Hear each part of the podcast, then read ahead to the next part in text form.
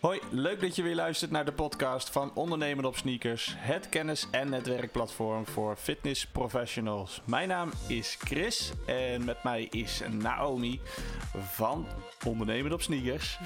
Uh, vandaag, hoi trouwens Naomi. Hoi Chris. Hoi, leuk dat je er weer bij bent. Yes. Hey, vandaag gaan we het hebben over jouw begin. 15 jaar geleden. Hè? Komende week eh, bestaat je bedrijf 15 jaar. Uh, maar dat ging niet van een leien dakje. Hè? Je hebt het nodige meegemaakt. En misschien is het wel heel verstandig om dat vandaag in deze podcast te delen. Um, hoe is het begonnen bij jou in het begin? Hè? De start van jouw onderneming. Ja, dat ging inderdaad niet helemaal soepel. En ik denk dat dit ook de reden is waarom, uh, waarom ik het belangrijk vind om dit te delen.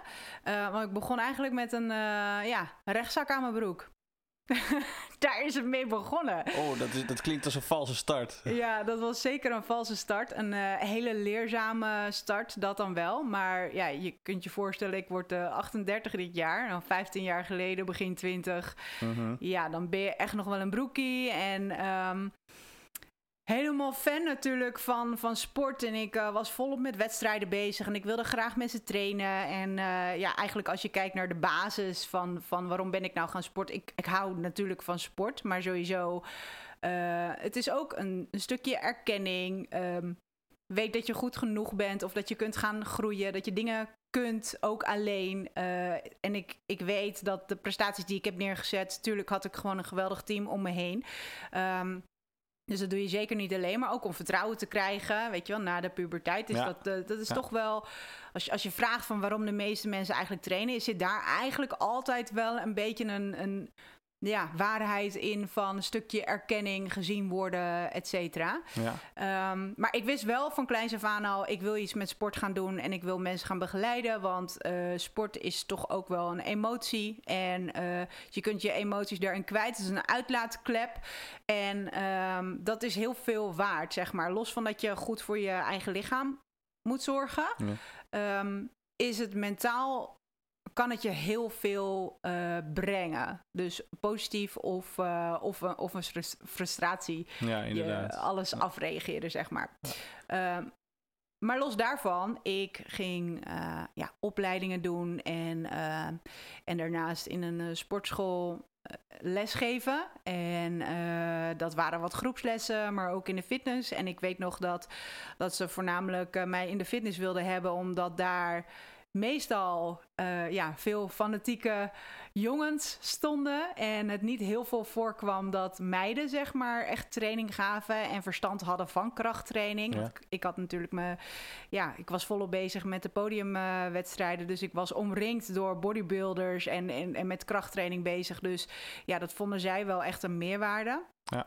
Om dat wat, wat meer uh, onder de aandacht te brengen dat krachttraining hartstikke goed was.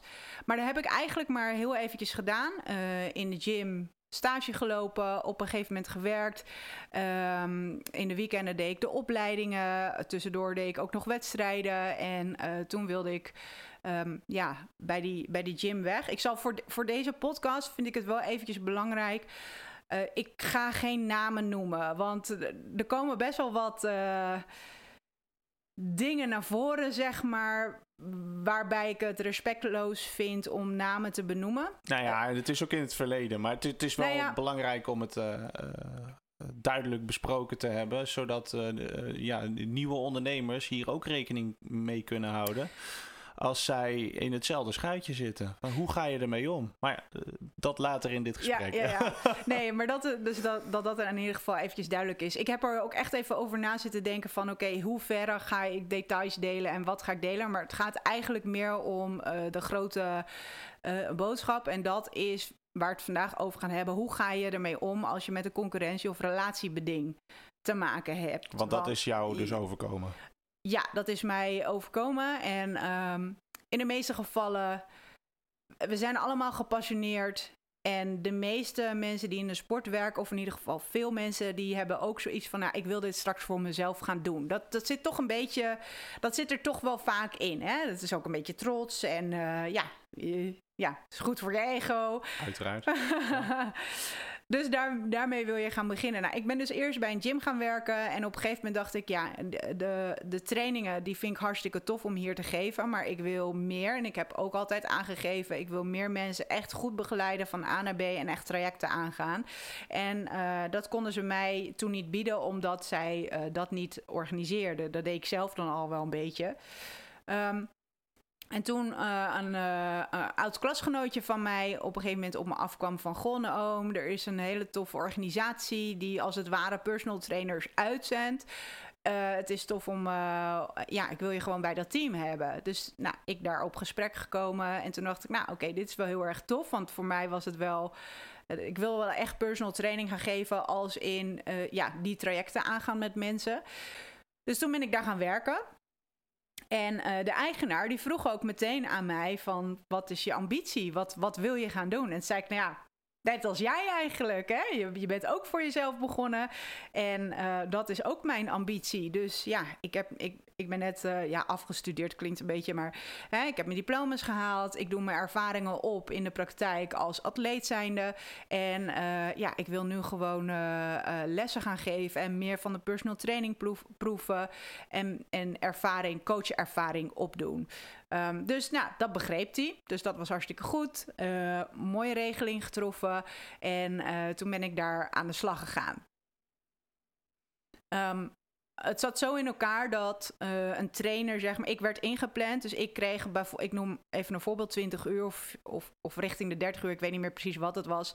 Dat kreeg ik gewoon sowieso uitbetaald. En zij planden dan eigenlijk mijn training sessies in. Dus zij hadden een klantbestand. Uh, zij zorgden voor de marketing en een klantbestand. En ik deed de trainingen. En zo hadden ze een stuk of tien trainers in hun bestand, zeg maar. Um, dus ja, reistijd werd vergoed, alles. Uh, dus dat, dat was een hele mooie deal en goed om ervaring op te doen. Maar als je kijkt naar wat de klanten betaalden aan een training... en dan snap ik wel dat de marketingkosten en uh, hè, het personeel... wat op kantoor zat en die alles regelde... Ja. Dat, dat hoefde ik allemaal niet te doen. Uh, ik hoefde alleen maar op te komen dagen voor de training. Dat, dat was het. Ja, was het bedrag. Uh, nou, ik denk, denk ongeveer net zo hoog als in de gym. Dus dat was al een beetje scheef. Uh-huh. Want je, je levert veel meer. Maar goed, los daarvan, want daar gaat het vandaag niet om. Um, op een gegeven moment, uh, je krijgt een band met mensen. En het is, je, je bent meer dan, dan een, een trainer, zeg maar, hè, met oefeningen. Nee, je gaat met voeding aan de slag, maar ook met coaching. Je komt bij mensen thuis. Dus ik gaf alleen maar les bij mensen thuis. Dus je komt echt in hun privésfeer meeste mensen, ja, toch wel grote bedrijven, uh, topondernemers mag ik zeker wel zeggen. Uh, tijd is geld en die zijn ook wel ambitieus, dus zakelijk gezien, maar hè, die willen ook wel goed de aandacht hebben voor hun eigen lichaam. En dus laten ze iemand komen. Dat, dat was zeg maar wat je doet. Maar vervolgens komen de klanten ook wel steeds dichterbij. Want je komt, je komt echt bij hen thuis. Ja dan zag je heel erg groot verschil. Of, of in ieder geval, het draait om de connectie die jij hebt. Dus het is niet alleen maar zozeer de training. En op een gegeven moment ging het bij het bedrijf waar ik toen werkte, de organisatie, ging het niet zo goed.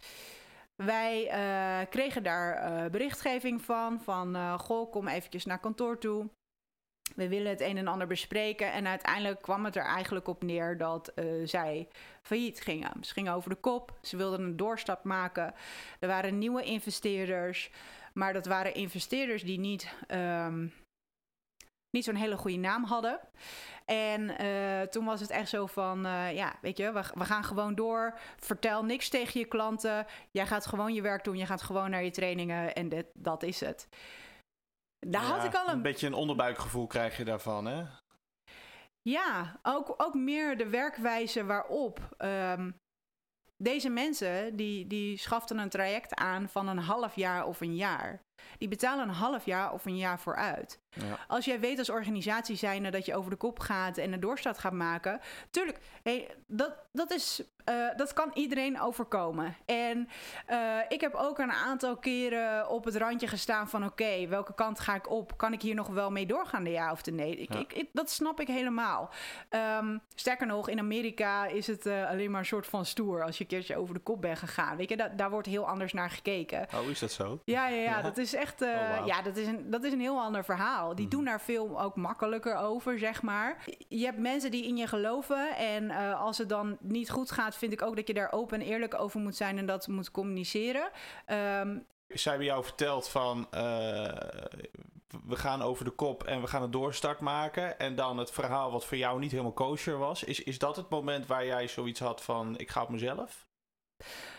Ja, daar kwam het eigenlijk een beetje wel op neer. Dat kwam door een klant die ik trainde. Die zei op een gegeven moment van... hé hey, Naoom, gaat het wel goed met de organisatie? Want ik moest geld overmaken naar... Ja, topondernemers ruiken dat, hè? Ja, Ik, ik moest in één keer uh, mijn rekening betalen... maar naar een andere rekeningnummer. Gaat het wel goed? Ja. Ja, ik kan niet. Ik kan wel dingen niet zeggen. Ik kan niet, ik kan niet gaan liegen, zeg maar. Weet je? Dus je kiest echt wel uit wanneer je bepaalde dingen wel of niet zegt. Van uh, is het relevant en is dat van toegevoegde waarde op het moment dat je dingen deelt. Maar ik had echt zoiets van ja, ik, je, je, ik was drie keer in de week met die man aan het trainen. Dan kan je, ik kan dan niet zeggen, oh nee, gaat helemaal goed. Als je weet dat het niet goed gaat, weet je. Dus ja, ik ben daar eerlijk over geweest. Ik zei zo van nou. Ja, ik mag het eigenlijk niet zeggen, maar uh, ik kan dat niet over mijn hart verkrijgen om het niet te zeggen. Maar, maar ze gaan een doorstap maken, dus dat, uh, dat komt, er zijn nieuwe investeerders, dus dat komt waarschijnlijk wel goed. En toen zei hij tegen mij, waarom ga je niet voor jezelf beginnen? En toen zei ik, en dat wist ik, ik heb een concurrentiebeding. Sterker nog, ik heb een relatiebeding. Dus je hebt een concurrentiebeding, dat je dus niet uh, ja, binnen een straal van zoveel kilometer uh, dezelfde activiteiten mag gaan uitvoeren. Maar een relatiebeding is dat je dan ook nog per relatie, dus per klant die ik daarna zou gaan trainen, dat daar op elke klant nog een boete staat. Uh, als je dus die mensen meeneemt. Oké, ja. Dus dat is ietsie pittiger. En ik had aardig wat klanten die ik trainde, uh, al een tijdje. Dus ik zei dat. En toen zei hij, ah, ja, dat, uh, dat komt allemaal wel goed. En uh, ja, dit was een topondernemer. En ik was begin 20. Dus ik dacht van ja, ja, dat vind ik wel een beetje spannend. Zo, ja, maar wil je daar blijven werken dan? Wat is je ambitie? Je wilt toch voor jezelf beginnen? Hij zegt, nu, dit is het moment. Dus ik ging naar huis toe en toen dacht ik echt van, uh, ja, dit, dit, al, als er een moment is, dan is dit wel het moment. Want ik, ik vond, het, het klopte gewoon niet helemaal goed. Mm um, wat trouwens wel even een belangrijke noot is, dat toen we dus met de trainers op kantoor waren en zij ons gingen vertellen over dat ze over de kop gingen met een nieuwe investeerder, moesten we ook ondertekenen uh, dat wij meegingen met de doorstart. Dus dat moest je ondertekenen. En ik wilde daar een kopie van maken. Want ik, heb, uh, ik ben gelukkig altijd omringd door veel mensen die ja, uh, het goed doen in de zakenwereld. Je moet alles op papier vastleggen. Je moet altijd zorgen dat je dat ook in je eigen beheer hebt. En ik wilde daar een kopie van maken en dat mocht niet. Dus ik had iets ondertekend dat ik dus meeging met die doorstart. Maar ik, ik, kon daar, ik kreeg daar geen bewijs van. Was ook al raar. Ja, dat, dat krijg ik ook een beetje eh, dus, vervelend ehm, gevoel bij dan. Ja. ja, dus de volgende training. Toen uh, uh, kwam ik dus weer bij die meneer en die zei zo van... Goh, wat, uh, wat ga je doen? Ik zeg, ja, ik wil het wel doen, maar ik heb, ik heb gekeken in mijn contract. Ik heb echt een relatiebeding. en toen zei hij van, nou ja, je kunt altijd eventjes gaan peilen bij de mensen met wie jij aan de slag wil gaan. Maar ik ken een goede advocaat. ik kreeg een studentenprijsje. Nou ja, uh, studentenprijsje is alsnog vrij pittig, kan ik vertellen. Uh, dus, nou ja, je hebt ik aardig had, diep in de buidel uh, moeten tasten ja, ja, ja, achteraf, hè? Ja. En dus toen was het zo van, joh, I've got your back, we gaan dit gewoon doen. En, en het feit dat hij mij ging helpen, en er was nog een klant... en op een gegeven moment toen had ik dus een aantal mensen... Uh, die zeiden van ja, het klopte al niet en wij gaan met je mee. Dus al die mensen, en dat betekent maar hoe close die relatie is. De relatie was niet met de organisatie, de relatie was met mij als trainer. Nou, jij was natuurlijk het gezicht, jij was degene die over de vloer kwam. Precies, en toen zij ook nog te horen kregen over wat ik dan uiteindelijk betaald kreeg voor die trainingen en wat zij daadwerkelijk betaalde, ja, was het helemaal van ja, oké, okay, nou om dit gaan we anders doen. Klaar en door. Dus ze stonden allemaal achter me, dus ik kwam ook echt thuis. Ik zeg, ik ga nu voor mezelf beginnen. Moet je dat wel doen? Nou ja, hele, iedereen om me heen die had echt zoiets van, ah, dit is, dit is, ja, maar weet je wel wat je allemaal uh, op je hals haalt. Ja, precies. En uh, toen zei ik van, ja, ik kan, ik kan, ik ga dit niet op een, uh, het voelt niet goed ik ga hier niet mee door. Weet je, dat, dat vind ik gewoon niet tof. Die mensen die betalen allemaal vooruit. Dadelijk gaat het alsnog over de kop. Ik, ik ga dit gewoon niet doen. Toen ben ik naar het kantoor toe gegaan en toen begon het eigenlijk. Toen zei uh, uh, mijn klant van oké, wat je gaat doen. En ik kreeg allemaal tips van klanten. Dit is wat je gaat doen. Als je een gesprek hebt, zorg ervoor dat het on of on, off the record is. Dat je dat zeker weet. Uh, ik moest mijn salaris gaan terugstorten. Van, hè, er was een doorstart en ik moest mijn salaris gaan terugstorten om te laten zien dat ik dus niet mee wilde met die doorstart. Ik had natuurlijk wel ondertekend. Um, uh, maar er waren allemaal dingen waardoor ik dingen moest gaan terugdraaien. Dus salaris weg. Uh, ik moest uh, alles wat ik had aan documentatie moest ik gaan kopiëren. Dus ik ben echt naar dat kantoor toe gegaan. En ik heb dat papiertje gevonden. Vraag me niet hoe ik dat allemaal heb gedaan. Ik heb alles gekopieerd. Ik heb alles aan mijn advocaat gegeven. En we zijn er gewoon helemaal diep in gaan duiken. Toen ik iedereen en alles daarvan op de hoogte gesteld had, toen heb ik ontslag genomen salaris teruggestort. En heb ik gezegd uh, dat ik dus me hier niet goed bij voel. Dat ik niet eerlijk vind dat ik ze wel, uh, dat ik ervoor heb gekozen om weg te gaan. En ik heb gezegd, met deze en deze en deze mensen ga ik verder trainen. Zij hebben net een half jaar of sommigen een jaar voor uitbetaald. Um, dus jullie hoeven er geen trainer meer naartoe te sturen. Dus jullie hebben hier ook geen kosten meer aan. Uh, uh, dus ik heb gewoon echt uh, ja, open kaart gespeeld. En ja, toen begonnen, dan denk je van, nou, dan is het oké. Okay. Nou. Ja, zou je denken, maar dan word je op dat ene punt gepakt natuurlijk. Precies, dus ik had die re relatiebeding en toen hadden zij allemaal berekeningen. Eerst gingen ze naar oom, kwam die investeerder, daar had ik dan een gesprek mee ik snap het, je bent jong en je bent ambitieus, maken allemaal fouten en dat is helemaal oké, maar we willen je graag in het team houden. Dus zij wilde mij dus nog, nog steeds in het team houden. Ik zeg, nou sorry, dat ga ik gewoon niet doen. En als je voor de rest vragen hebt, mag je naar mijn advocaat. Dus ik moest het ook echt zo hard spelen. En um, nou, uiteindelijk, uh, uh, toen heb ik ook gewoon, had ik ook echt zoiets van, ja, dit, dit is gewoon klaar. Het was ook voor mij niet meer een twijfel of ik terug zou gaan de ja of de nee. Nou, en toen ging het dus met de curator. Toen ging het de hele tijd heen en weer over. Ja, ik had. Uh, ik weet niet meer uit mijn hoofd hoeveel het was, maar ik denk vijf. Stel dat het vijf klanten waren geweest. Uh, dan hadden ze gezegd: het kost ons ongeveer zoveel tijd en zoveel budget om één klant binnen te halen. Als je cijfers op orde hebt, dan weet je dat. Ja. Uh, en ze blijven ongeveer zo lang. Dus zij gingen berekenen met de formule dat stel dat een klant gemiddeld 10 jaar blijft. Um, dat ik dus 10 jaar lang de omzet die zij mis zouden lopen, dat ik die moest betalen. Ja hoor. Het ging op een gegeven moment echt. Nou ja, weet je, voor sommige mensen klinkt het als weinig, maar op een gegeven moment was het gewoon boven de ton. Ging, het, ging, het ging echt helemaal nergens meer over. Toen dacht ik, serieus, jullie. Nou ja, als startende ondernemer, als, als, als, als eenmansbedrijfje, die, die met een dienst begint, is een ton natuurlijk enorm veel geld. Ja, ja, ja. Maar ik had echt zoiets van, serieus, gaan jullie dit echt? En, en zij zaten zelf in een doorstart.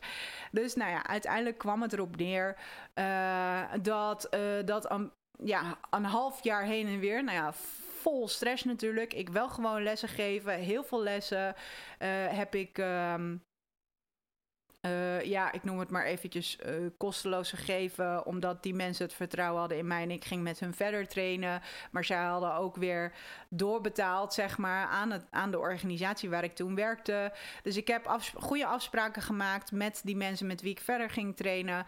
En, en uiteindelijk, na een half jaar, was het zo van: oké, misschien moeten we maar gewoon schikken. En dat betekent dat ik. Uh, ja, een flink bedrag had betaald. En, uh, en dan was het gewoon helemaal klaar. In plaats van dat je ja, nog langer in zo'n proces zit en uiteindelijk uh, ja, kan winnen, maar ook kan verliezen. En ik wist natuurlijk, ik heb een relatiebeding. Dus er moet geld betaald worden. En daar had ik ook wel rekening mee gehouden. Ja. Um, dus uiteindelijk was dit best wel een pittige start. En ja, heeft dat me ook wel heel veel geld gekost. Maar ben ik wel heel blij en dank. Ik ben heel dankbaar vooral uh, dat de mensen om mij heen mij hebben ondersteund, in mij hebben geloofd. Ik heb nog jaren met vele mensen getraind en me, en me daarin hebben geholpen, zeg maar. Wat moet je wel doen, wat moet je niet doen? Ja. En, en dat zijn echt wel de lessen, zeg maar, um, die ik met, met trainers wil delen. Want hier luisteren voornamelijk trainers en coaches naar die waarschijnlijk allemaal ambitieus zijn. Ehm, en die voor zichzelf willen beginnen. En als je dat wil gaan doen en je werkt nu bij een organisatie, ga eerst goed uitzoeken. Uh, heb je een concurrentiebeding? Heb je een relatiebeding? Ja. Uh, zoek dat van tevoren uit. Uh, maar zorg ervoor dat je echt, echt wel bij je hart blijft over hoe jij met mensen om wil gaan. En, um, uh, en, en zoek de juiste mensen om je heen. Voordat je. Er, er zitten altijd bepaalde volgordes van naar wie je wat gaat communiceren. Ja. inderdaad, is dat off the record of niet? alles kan tegen je gebruikt worden op het moment dat je iets gaat communiceren. Dus zorg ervoor dat het vaststaat op papier. Uh, met recording moet je altijd heel erg voorzichtig zijn, zeg maar. Weet je, je kan niet alles maar gewoon opnemen. Zorg ervoor dat op het moment dat je iets ondertekent waar jij uh, zoiets hebt van, nou oké, het is niet helemaal oké. dat je dat ook echt zelf op papier hebt en ga dat uitzoeken. Weet je, dat. Um, ja, dat, dat is echt iets wat ik, wat ik mee wil geven. Want ik denk helemaal in een periode zoals deze, dat, dat hier best wel veel situaties van gaande zijn. Um, je, je kan ook denken, oh nou ja, uh, ik heb er scheid aan en ik ga gewoon lekker voor mezelf beginnen. Ik neem die klanten lekker mee. Ja, als je, als je daar goed bij voelt en je kan jezelf gewoon in de spiegel aankijken, dan, dan moet je dat lekker doen. Ja, maar weet wel dat er eventueel een staartje aan kan Precies. zitten. Precies. Kijk, en het is natuurlijk het voordeel dat, jij bent degene die de klanten traint. Dus dan zie je ook weer, hè, ook vanuit jouw verhaal, wat de waarde van goodwill is. Hè? Dus, dus dat is een heel groot pluspunt. Dat de klanten ook echt achter jou staan voor, voor, voor jouw kwaliteiten en, en jouw service dus, zoals je ze biedt. Aan de andere kant, ja, houd, houd rekening met, met de regels zoals ze zijn opgesteld. Want je kunt jezelf aardig in de vingers snijden. Ja, precies. En ik denk, weet je, die regels, ik snap die regels, snap ik ook wel. Um, je moet ergens grenzen gaan trekken. Net als deze maatregelen waar, we, waar we nu in zitten. Je moet ergens grenzen gaan trekken. Uh, maar wat belangrijk is, is dat je dus echt handelt dat jij weet, oké, zo zou ik dat zelf ook. Uh, het, het heeft mij, ik vind, ik, heb het niet, ik vind het niet erg. Zo, kom niet echt aan mijn woorden. Um, het is niet erg om ervoor te. Ik betaal er liever voor dat het fair is, zeg maar. Dan dat, uh, dat je achteraf. Karma is een bitch, snap je? Absoluut. Dat komt, uiteindelijk komt het gewoon ja. terug en dat moet je gewoon niet willen. En uh, dit is echt wel een shout-out naar trainers en coaches stel je zit in zo'n situatie en je loopt er tegenaan. Neem contact met mij op. Neem contact op met. Je, je hebt juridisch advies nodig. Ga ermee aan de slag. Maar stel dat je, dat je in zo'n situatie zit van: oké, ga ik wel of niet voor mezelf beginnen?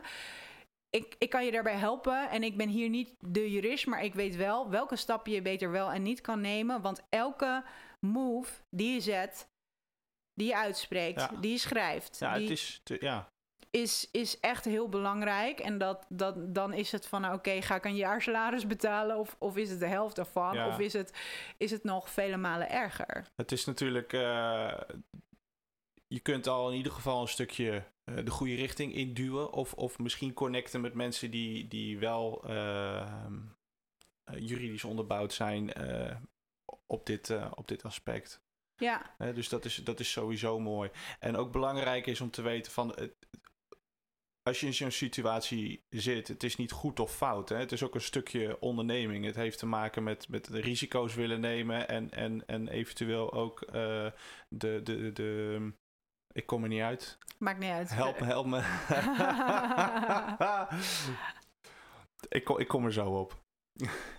nee, maar dat is ook. Tuurlijk heb je die, die risico's die je af en toe moet nemen. En ik denk ook dat inderdaad, dat is een stukje ondernemen, grenzen opzoeken, over grenzen heen gaan en dan ervan leren. Wat zijn, wat zijn de leermomenten die je er dan uitpakt? Ik heb ervan geleerd dat ik uh, veel eerder dingen moet vastleggen en, uh, en moet checken. En de meeste mensen um, ik weet nog goed dat ik mijn eerste leaseauto en ik ging elke regel, ik ging het hele contract ging ik doornemen. En, en ze zaten echt me een beetje zo te pushen van... Nou, kom op, zet gewoon je krabbel onder. Nee, ik wil gewoon weten waar ik mijn krabbel onder zet. Ja, dat is wel heel belangrijk. Zeker als je ook weer een contract voor een bepaalde tijd aangaat. Hè, hebben we het toch weer over enige jaren. Ik heb mijn woord trouwens uh, oh. gevonden. Nou. Hè, dus als je als ondernemer keuzes maakt, dan moet je ook uh, voor jezelf uh, afwegen of dat je dan ook met die con consequenties wilt dealen. Dat ah, was hem. Consequenties. Potverdrie. ja, maar, maar dat is het natuurlijk. Hè? Dus het is helemaal niet erg om af en toe een afslag...